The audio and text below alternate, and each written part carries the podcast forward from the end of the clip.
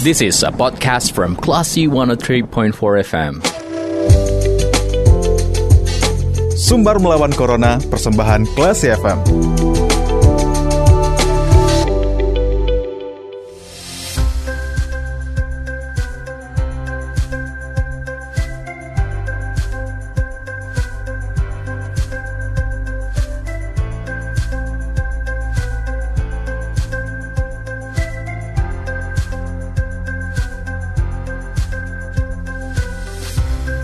103,4 kelas FM bersama kita lawan Corona. Kelas People, saatnya Anda mencermati program Sumber Melawan Corona. Kali ini bersama saya Faris Hardana. Nah, kelas People dan kita akan berbincang bersama salah seorang atau dokter gigi, uh, dokter gigi Frisdawa Tibur yang merupakan Ketua Persatuan Dokter Gigi Indonesia atau PDGI Sumatera Barat dan akan berbincang mengenai rata-rata dokter gigi pernah terpapar COVID-19 dan bahkan meninggal dunia. Lalu bagaimana para dokter gigi ini bekerja di masa pandemi kelas people? Kita akan berbincang langsung. Assalamualaikum Dokter Prista. Assalamualaikum warahmatullahi wabarakatuh. Sehat dokter? Alhamdulillah berkat doa kita semua. Alhamdulillah. Nah dokter, pandemi sudah masuk di tahun kedua, bahkan uh, akan masuk ke tahun ketiga di sekitar bulan Desember besok. Di Sumatera Barat, apa sih dok dampak yang paling terasa untuk dokter-dokter gigi yang praktik di Sumatera Barat? Apakah juga banyak dokter-dokter gigi ini yang memilih untuk tidak praktik? Uh, sementara untuk ini uh, awal September 2021 kita mendapat berita bahwa hampir hampir ke Sumatera Barat ini gigi yang praktek pribadi maupun praktek di puskesmas hmm. 80 persen uh, OTG hmm. dan 20 persen terjangkit dengan COVID termasuk saya sendiri saya sendiri bulan Juli kemarin kena COVID sampai dirawat di rumah sakit hmm. dengan gejala yang uh, ringan atau seperti apa dokter?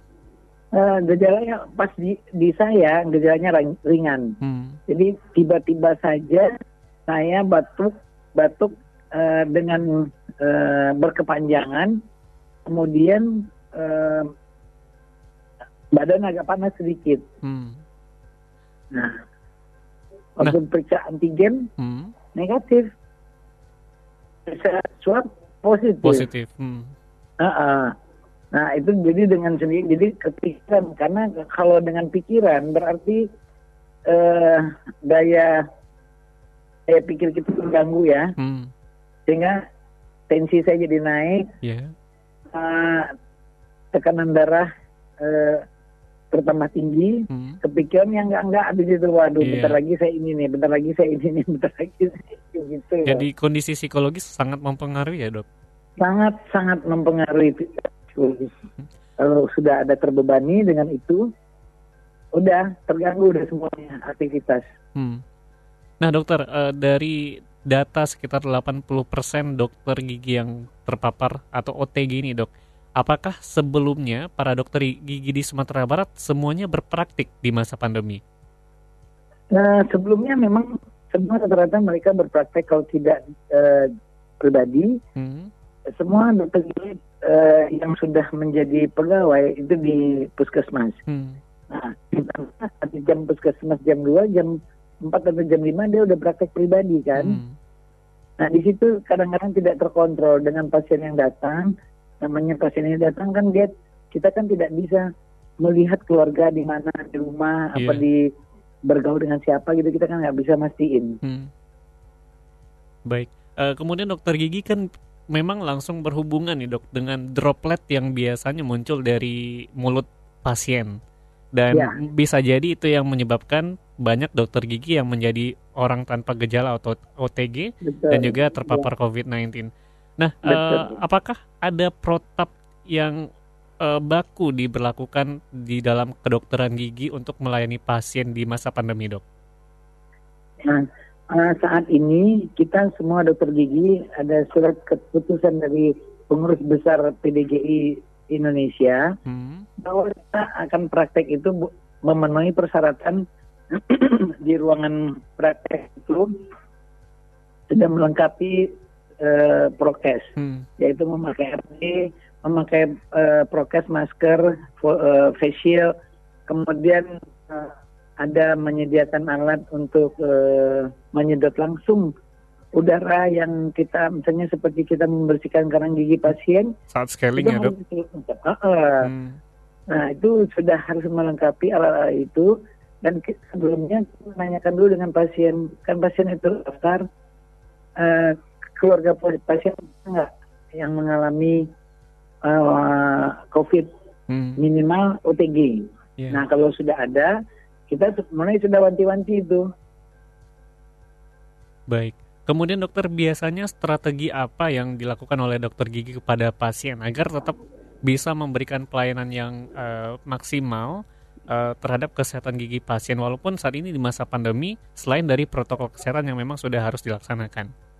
Nah sebelumnya kita uh, pasien uh, tanya jawab bukan langsung sama dokternya hmm. dengan uh, tenaga administrasi di klinik atau di tempat praktek pribadi yeah. bahwa uh, ke dokter ini nambal, cabut atau scaling atau ada yang lain. Hmm. Nah itu uh, ditulis untuk kunjungan maksud tujuannya dia apa. Hmm. Kalau misalnya hari itu langsung tidak bisa dia apa-apa, memang harus uh, dia dalam sakit, kita harus melakukan tindakan. Tindakan itu apa? Memeriksa pasien dengan membuka mulutnya. Yeah. Tapi kalau dia lagi sakit, itu harus kita memberikan obat. Nah itu cukup dari perawat masuk ke dalam ruangan, hmm. dan kita membuatkan resep uh, tanya jawabnya dia. Jadi kita kan uh, online uh, bicara dengan dengan pasiennya, yeah. dokter di dalam, pasiennya di luar. Hmm. Baik, kemudian dokter uh, biasanya kita kan harus rutin ke dokter gigi sekitar enam bulan sekali atau mungkin yeah, juga ada ada jangka waktu tertentu.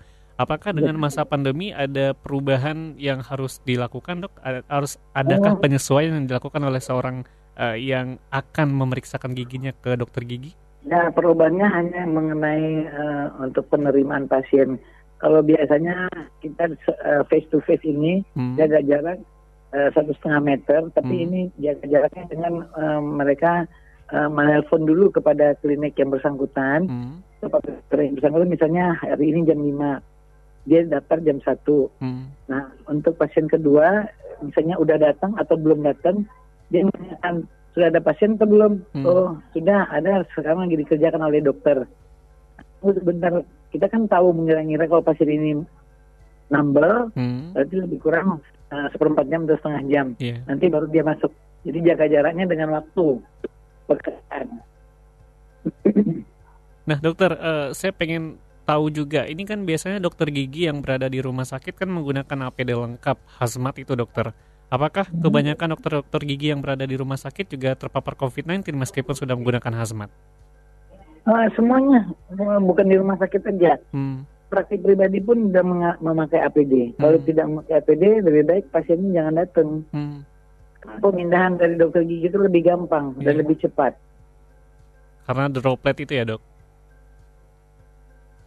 Jadi, jadi setiap pasien akan datang kan hmm uh, wajib menanyakan, Bu, Ibu pakai APD nggak ngelayanin kita, Bu? Hmm. Oh enggak, ah, lebih baik nggak usah datang. Berarti yeah. nggak lengkap itu peralatannya. Baik. Nah dokter, hmm. dari data dokter tadi 80% yang OTG, 20 yang terpapar COVID-19 yang sudah dokter sampaikan. Uh, bagaimana akhirnya reaksi dari dokter gigi yang lain dok? Apakah memilih untuk menutup uh, sementara praktik mereka atau seperti apa tindakan yang dilakukan dok? Uh, yang sudah mem, um, kami menerima laporan, ada yang mereka melakukan misalnya seminggu itu biasanya kita kan tiap hari. Hmm. Sekarang tiga kali seminggu, jamnya dibatasi biasanya jam 5 sampai jam 9, sekarang jam 5 sampai jam 7. Hmm. Nah itu di, dipasang pengumuman di, di depan pintu masuk. Hmm. Jadi jadi memang harinya yang di, diperkecil jamnya juga dipersingkat. Baik. Uh, terakhir dokter apa himbauan mungkin buat masyarakat nih yang memang harus rutin menjaga kesehatan giginya, kemudian juga kalau udah sakit memang harus benar-benar ke dokter ya dok, agar nantinya uh, saling tidak menebarkan atau menularkan COVID-19 dok. Uh, pesan untuk uh, masyarakat maksudnya? uh, ketika mereka memeriksakan gigi uh, protokol seperti apa yang harus mereka lakukan biar okay. nantinya tidak menularkan juga COVID-19 ke dokter-dokter gigi yang ada okay. sedang praktik. Baik. Uh, saya Dr. Gigi Frisdawati Amrendur menyarankan kepada seluruh masyarakat yang merasa giginya uh, sudah memang harus dibawa ke dokter gigi, lakukanlah yang pertama uh, untuk mengetahui telepon klinik atau dokter dokternya sendiri hmm. dan buat janji. Kemudian tanyakan sudah berapa orang untuk kita datang yang keberapa untuk melihat eh sewaktu antara pasien sebelumnya dengan pasien yang akan masuk. Hmm. Kemudian jangan lupa pakai masker. Yang ketiga eh, hand sanitizer perlu kita bawa. Hmm. Karena apa? Bangku yang di dalam kita juga perlu berhati-hati antara pasien sebelum yang berkunjung dengan kita yang akan masuk ke dalam ruangan praktek. Hmm. Kemudian perlu menanyakan kepada dokternya apakah dokter pakai uh, eh, APD. Hmm. Nah, kalau kalau tidak lebih baik mengundurkan diri untuk diperiksa. Hmm. Tapi kalau dia dokternya pakai, silakan masuk apa-apa. Karena sekarang ini um, ada masyarakat yang tidak mau mengaku dia terkena um, COVID. COVID. Hmm.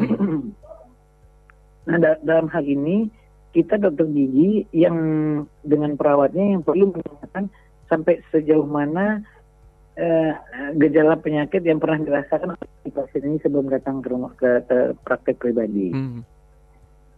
Nah, jadi untuk itu kita yang dari masyarakat, masyarakat uh, awam tidak tahu bagaimana uh, lanjutan ini, sebaiknya menanyakan uh, apa saja yang harus kita lakukan sebelum kita sampai mendapatkan sakit gigi yang tidak yang tidak bisa kita obati sendiri di rumah. Harus bagaimana? Hmm. Ya sikat gigi lah rajin di rumah setelah habis makan dan setiap akan tidur. Hmm. Yang kedua, jangan lupa makan sayur dan makanan yang berserat untuk membersihkan gigi. Hmm. Kemudian yang ketiga, eh, lakukan kebersihan mulut ini minimal sekali enam bulan hmm. untuk menjaga OH mulut kita sendiri. Hmm. Mungkin itu yang dapat saya sampaikan kepada masyarakat uh, Kota Padang khususnya. Baik, terima kasih Dokter Frisda sudah berbincang bersama Kelas FM di hari ini. eh, sehat-sehat selalu Dokter. Selamat ya, beraktivitas kembali. Assalamualaikum. Waalaikumsalam warahmatullahi wabarakatuh. Baiklah si people, itu perbincang kita bersama Ketua Persatuan Dokter Gigi Indonesia atau PTGI Sumatera Barat ada Dokter Gigi Fris Dawatibur dan saya Faris Sardana. Kita ke program selanjutnya. Terima kasih. Anda sudah mencermati program Sumber Melawan Corona. Cermati podcast obrolan ini di www.classfm.co.id atau download aplikasi Classy FM.